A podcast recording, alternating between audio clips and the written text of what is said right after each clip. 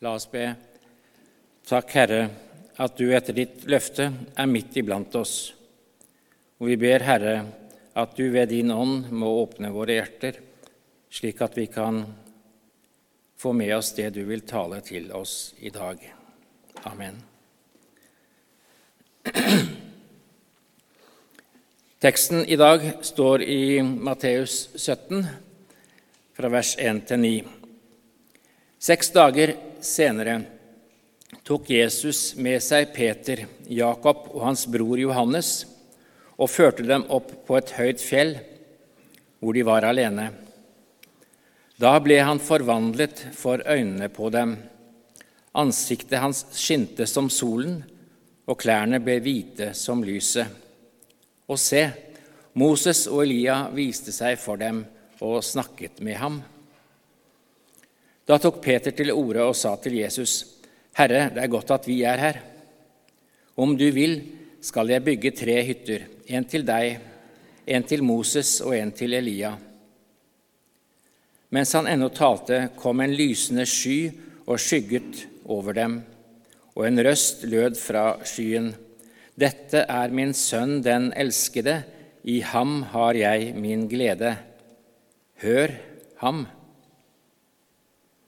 Da disiplene hørte det, kastet de seg ned med ansiktet mot jorden, grepet av stor frykt. Men Jesus gikk bort og rørte ved dem og sa, Reis deg, reis dere, og vær ikke redde. Og da de løftet blikket, så de ingen andre enn ham, bare Jesus. På veien ned fra fjellet ga Jesus dem dette påbudet, fortell ikke noen om dette synet før menneskesønnen har stått opp fra de døde.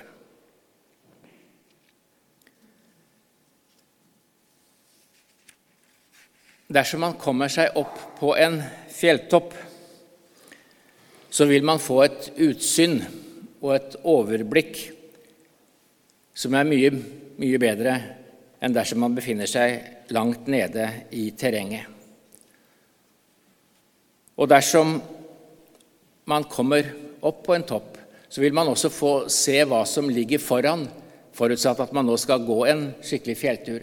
Da vil man få øye på dalsøkk og på nye topper som ligger foran.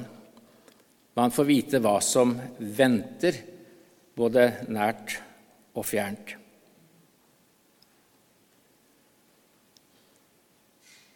Den 3. april 1968 holdt borgerrettsforkjemperen med det flotte navnet Martin Luther King Tenk å hete noe sånt. Eh, han holdt en tale der han fortalte hvordan han bildelig sett hadde vært på toppen av fjellet. Og Nå skal vi få høre opptak fra denne talen det siste minuttet. Well, I don't know what will happen now. We've got some difficult days ahead. But it really doesn't matter with me now because I've been to the mountaintop. I don't mind. Like anybody, I would like to live a long life. Longevity has its place. But I'm not concerned about that now. I just want to do God's will. And He's allowed me to go up to the mountain. And I've looked over and I've seen the promised land. I may not get there with you, but I want you to know tonight that we as a people will get to the promised land.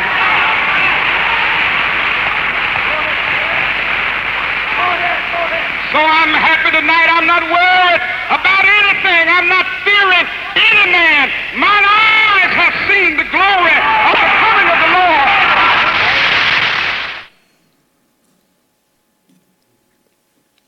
Ja, I norsk oversettelse blir det han sa, omtrent slik. Vel, jeg vet ikke hva som vil skje nå. Vi har noen vanskelige dager foran oss, men det betyr ikke noe for meg nå. For jeg har vært på toppen av fjellet, og jeg har ikke noe imot det. Som alle andre vil jeg gjerne leve et langt liv. Lang levetid har sin plass, men jeg er ikke bekymret for det nå. Jeg vil bare gjøre Guds vilje. Og han har latt meg gå opp på fjellet. Og jeg har sett utover, jeg har sett det lovede landet. Jeg kommer kanskje ikke dit med dere, men jeg vil at dere skal vite i kveld at vi som folk vil komme til det lovede land. Og jeg er glad i kveld. Jeg er ikke bekymret for noe, jeg frykter ikke noe menneske. Mine øyne har sett herligheten av Herrens komme. Dagen etterpå ble han skutt og drept. Men lik Moses hadde altså Martin Luther fått komme inn, eller fått se inn, i det lovede landet. Han hadde kommet på en fjelltopp, sånn billedlig sett, sett et land som nok ikke primært rant av melk og honning i hans bilde, men et land der det var fred og rettferd, uten raseskille og diskriminering. Det lovede landet ligger nok fremdeles et godt stykke foran for afroamerikanerne i USA. Og den visjonen som King hadde, viser at det lovede landet ligger i fremtiden. Og det gjelder også for oss. Men han hadde vært på fjelltoppen. Hans øyne hadde fått sett herligheten av Herrens komme. Mine eyes have seen the glory of the coming of the Lord. Han er ikke den eneste som kan sies å ha sett Herrens herlighet. I begynnelsen av Johannesevangeliet så leser vi dette kjente ordet og ordet ble menneske og tok bolig iblant oss, og vi så hans herlighet. En herlighet som den enbårne sønn har fra sin far, full av nåde og sannhet. Jeg tror det utsagnet på sett og vis sammenfatter det møtet disiplene hadde hatt med Jesus da de vandret sammen med ham. Men man kan kanskje si at eh, ja, var det sånn det var hele tiden? Åpenbart ikke.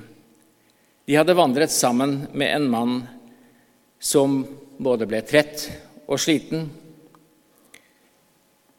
Han ble tørst og sulten. Han måtte hvile og sove.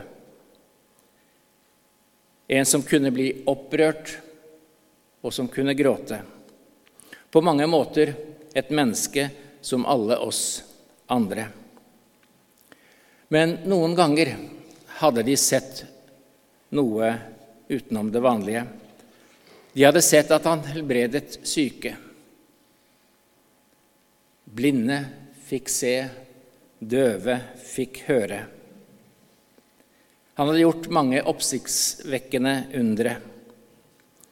En gang så de til og med at han gikk på vannet selv om han vanligvis brukte båt når han var på Gnesaretsjøen. Og en gang forvandlet han seks kar som fylte ja, 70-100 liter med vann. Han forvandlet dette til den beste vin. Og Det er i den forbindelse Johannesevangeliet skriver dette sitt første tegn gjorde Jesus i Kana i Galilea. Han åpenbarte sin herlighet, og hans disipler trodde på ham. Jesus åpenbarte sin herlighet gjennom de under og tegn han gjorde. Og Derfor er det flere som kan si 'Vi så hans herlighet'.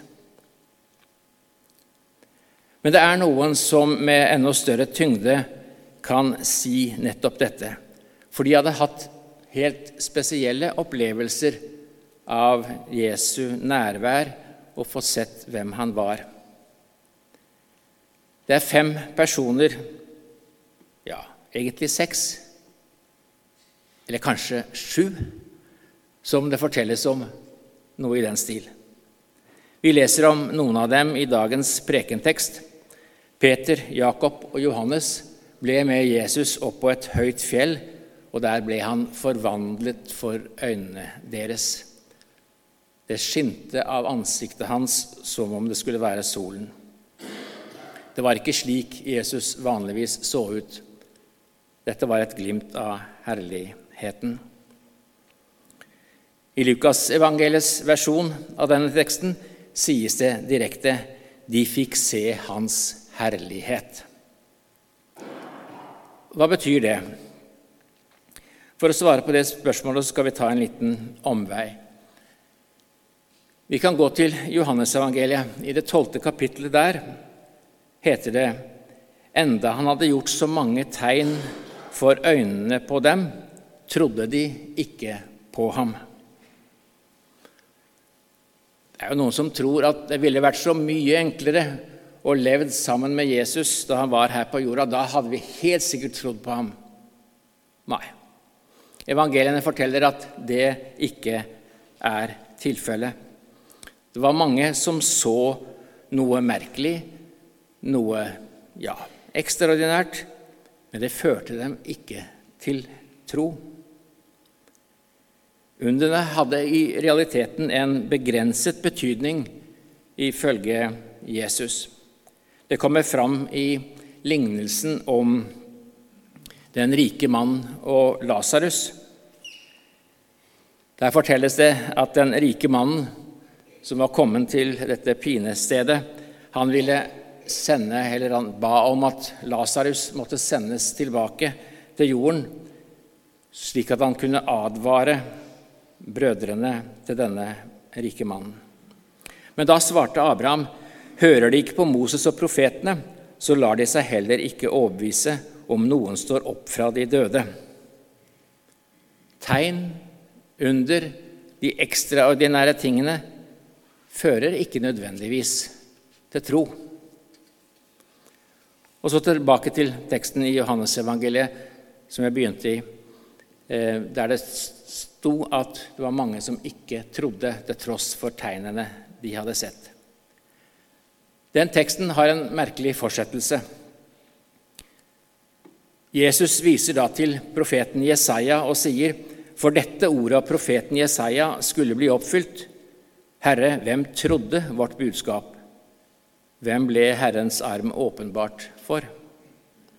Og Deretter kommer det et langt sitat fra Jesaja kapittel 6.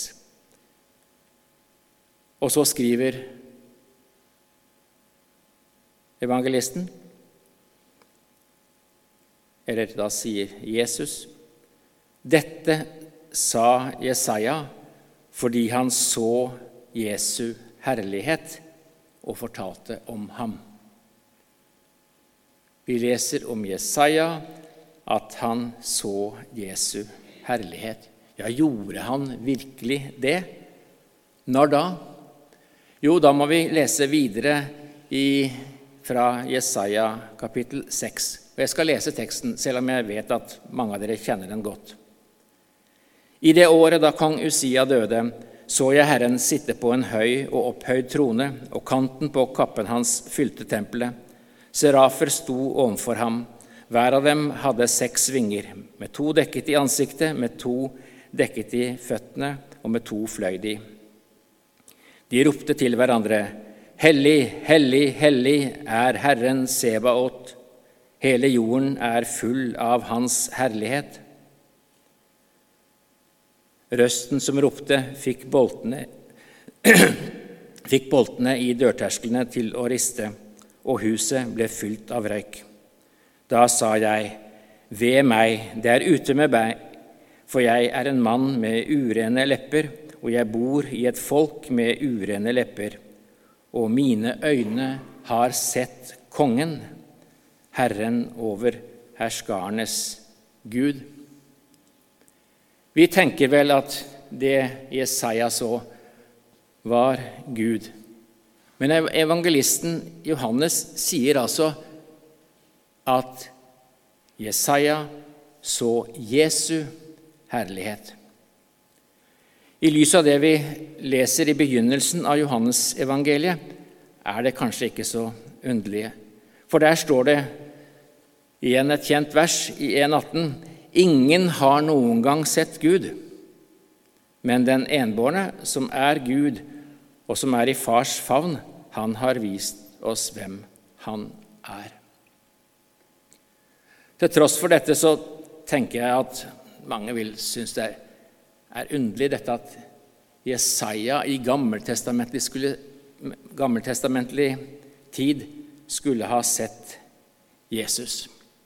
Men hvis man går til de oldkirkelige forfatterne, så ser man at de tar dette her på alvor. De tar på alvor der det står 'Ingen har noen gang sett Gud'. Det betyr at de tekstene fra Det gamle testamentet der det tales om mennesker som møter Gud, ja, da er den de møter, Jesus. Ingen andre. For han er den eneste personen i guddommen som er blitt menneske. Det er han som har blitt kjød. Han har kommet inn i denne verden slik at man kunne se ham, ta på ham, slik det står i begynnelsen av 1. Johannes brev.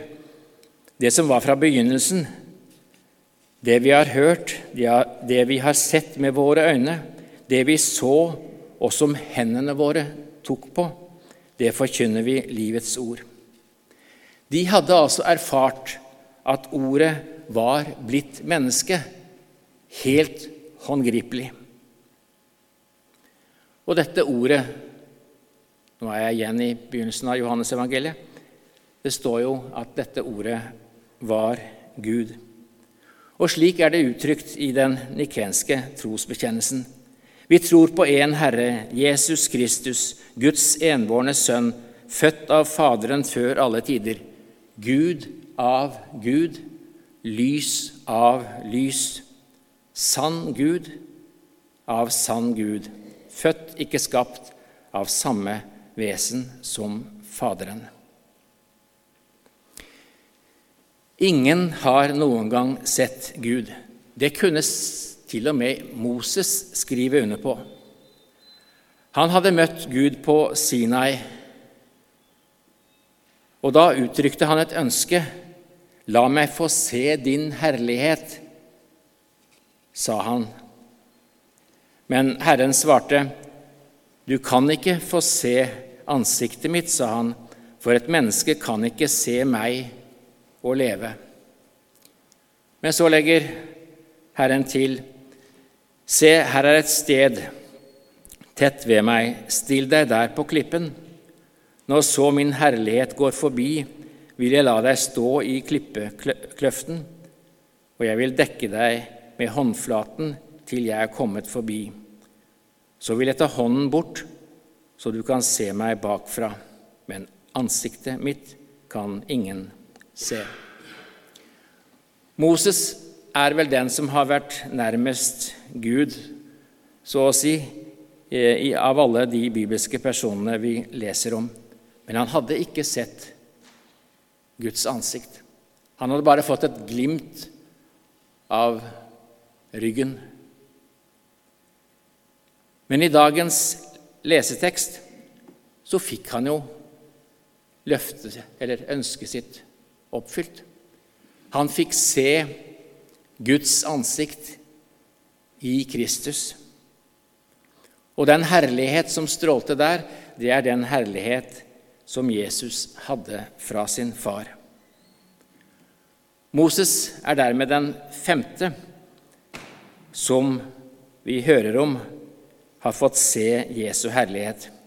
I tillegg til de tre disiplene så har jeg allerede nevnt Jesaja som den fjerde, Moses som den femte, og den sjette, det blir Elia. Om han fortelles det i første kongebok 19 at han kom til Guds fjell Horeb, og der åpenbarte Herren seg for ham. Så står det en veldig spesiell beskrivelse av dette. Det sies at Herren ikke var i stormen, ikke i jordskjelvet, ikke i ilden, men etter ilden kom lyden av en skjør stillhet. Jeg vet ikke hvordan det lyder. Men da står det da Elia hørte den, dro han kappen for ansiktet, gikk ut og stilte seg i huleåpningen. Eliam visste selv at han ikke kunne se Gud, derfor dekket han ansiktet sitt. Men på Forklarelsesberget fikk han se Guds ansikt i Kristus. De to personene som var nærmest til å se Gud i Det gamle testamentet, fikk altså møte Gud i Sønnens skikkelse, ansikt til ansikt på fjellet. Siden det først var i nytestamentlig tid at Gud ble menneske, ble kjøtt og blod, så var det først da de kunne se Guds ansikt. Den som har sett meg, har sett Faderen, sier Jesus et sted. For de tre disiplene må denne opplevelsen ha vært ganske enorm. Her opplevde de noe som var klart utenom det vanlige. For det første så ja, Det måtte ha vært kjempestas å sett Moses og Elia, to av de gammeltestamentlige kjendisene. Tenk å få møte dem. Det hadde jo vært noe å skrive hjem om.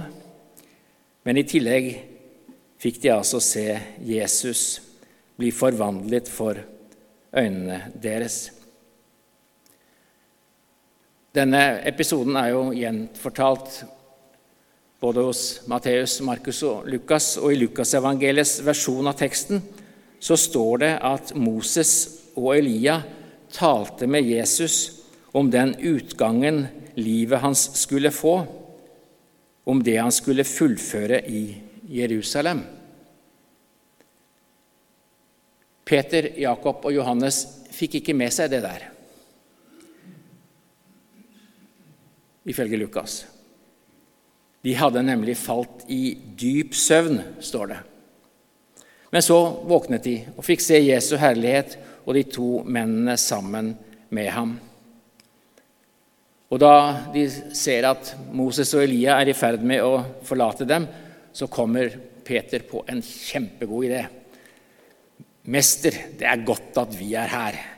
La oss bygge tre hytter, en til deg, en til Moses og en til Elia. Det er jo litt interessant at evangelisten da legger til en kort bemerkning. Han visste ikke selv hva han sa. Men man kan jo ha en anelse om hva han har tenkt. Hvis vi bygger noen hytter her, så kan vi jo forlenge oppholdet. Eh, da kan vi være lengre på fjellet, for her er det godt å være. Men det varte ikke lenge før de var på vei ned fra fjellet. Og det skulle ikke gå lang tid før de samme tre, Peter, Jakob og Johannes, skulle få være sammen med Jesus nokså alene.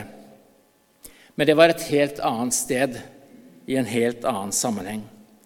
Det var en mørk natt i Getsemanehagen. Dit kom Jesus med alle disiplene sine, og han sa at de skulle sette seg ned mens han gikk litt lenger bort for å be. Men det står at han tok med seg Peter, Jakob og Johannes, og så står det at Jesus ble grepet av sorg og gru. Så sier han til de tre, Min sjel er tynget av døden, til døden av sorg. Bli her og våk med meg.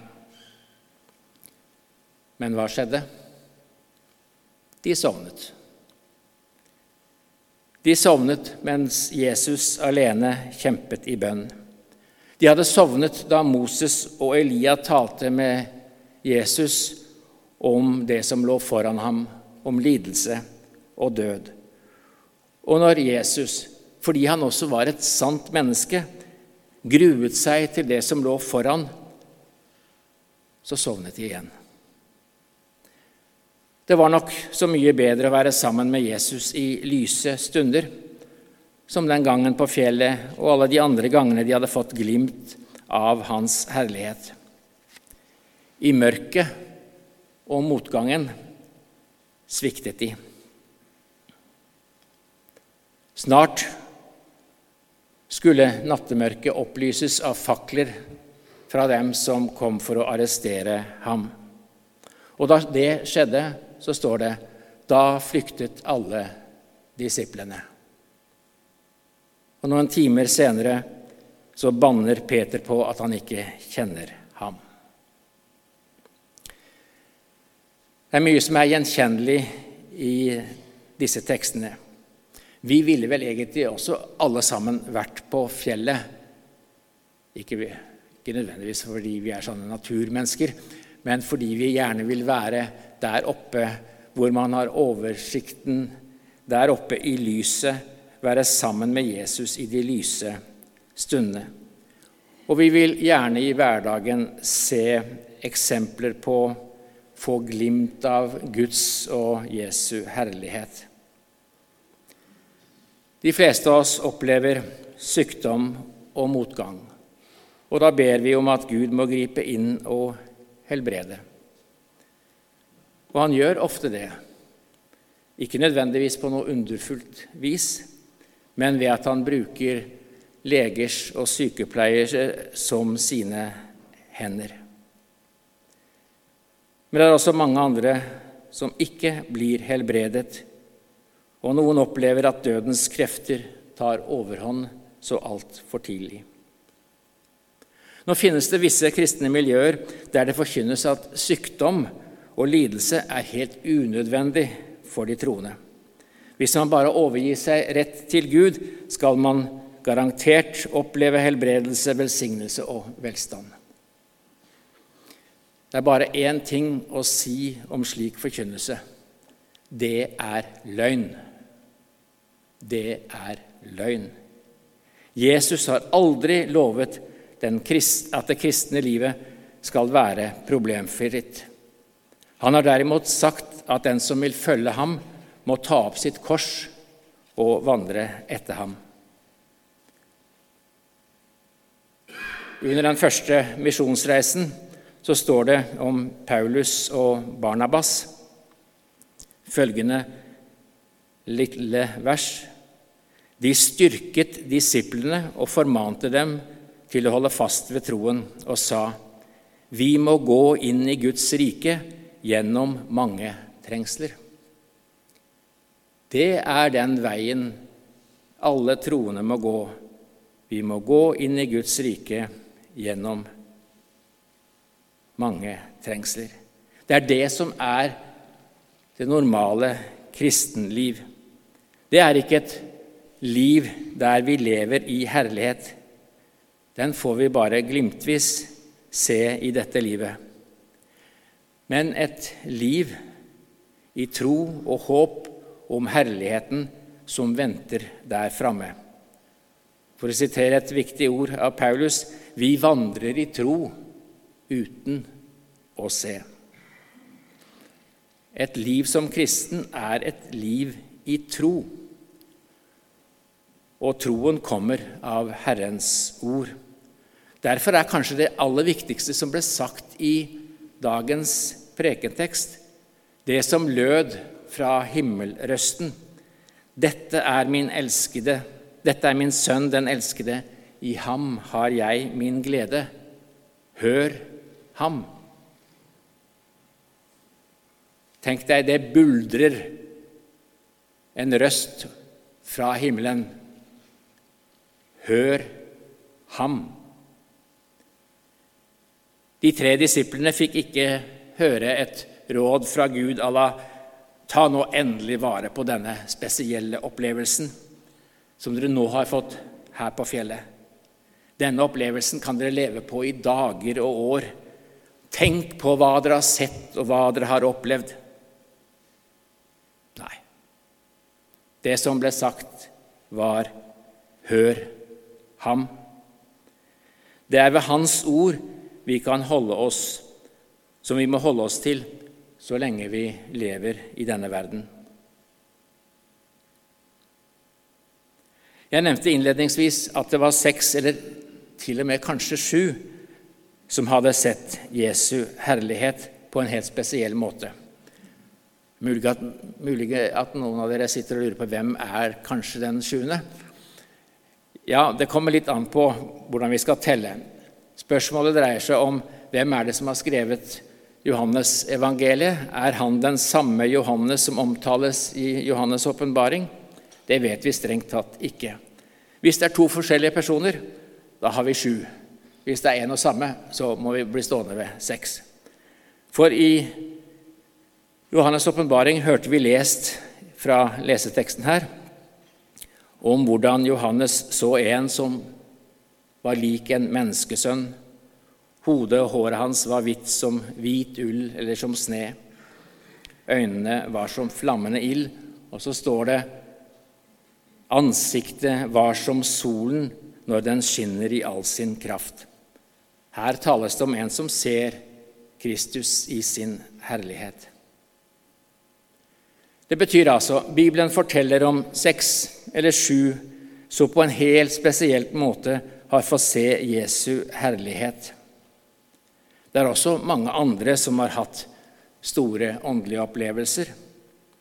Men Skriften forteller vel så ofte om mennesker som har vært i motgang, som har opplevd lidelse tvil, anfektelse.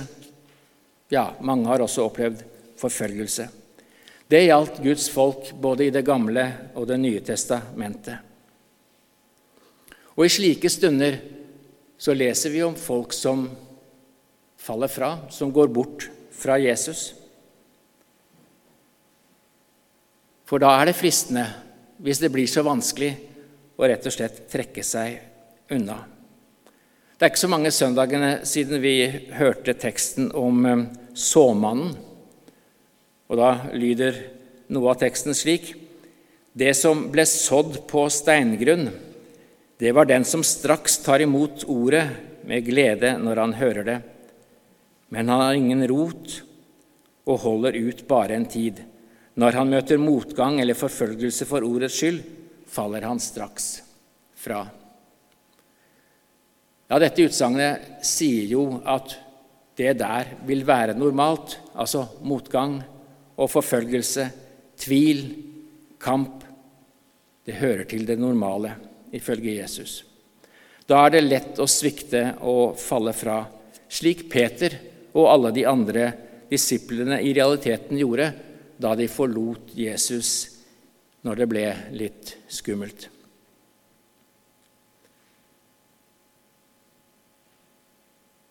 Men det er en vei tilbake, og den veien heter Jesus.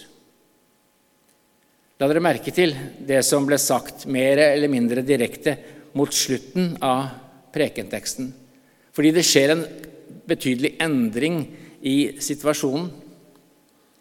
Moses og Elia blir borte. Himmelrøsten opphørte. Alt ble igjen helt vanlig.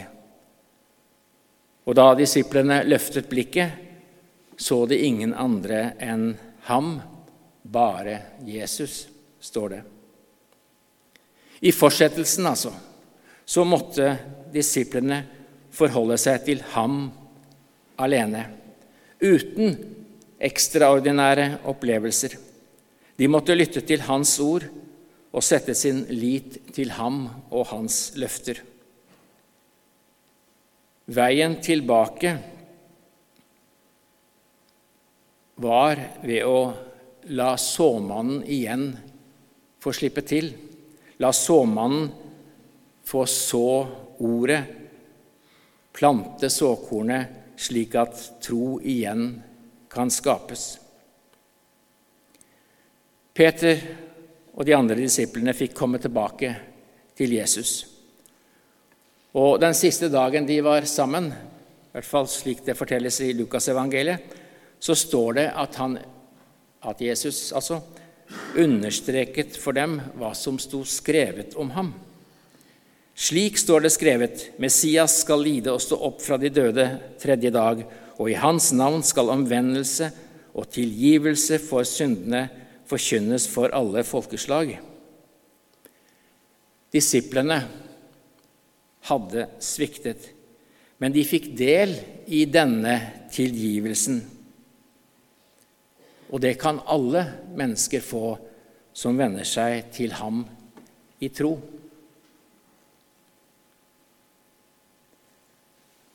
Martin Luther King sa at han hadde fått sett inn i det lovede landet. Og han uttrykte vissheten om at vi som folk vil komme til det lovede land. Jeg opplever at det er et utsagn med dobbel bunn. Han identifiserte seg nok først og fremst med undertrykte afroamerikanere, men også med alt Guds folk. Som King kan også vi uttrykke den samme vissheten om at vi en dag skal komme inn i det lovede land og der få se Jesu herlighet. Men veien dit er en vandring i tro uten å se.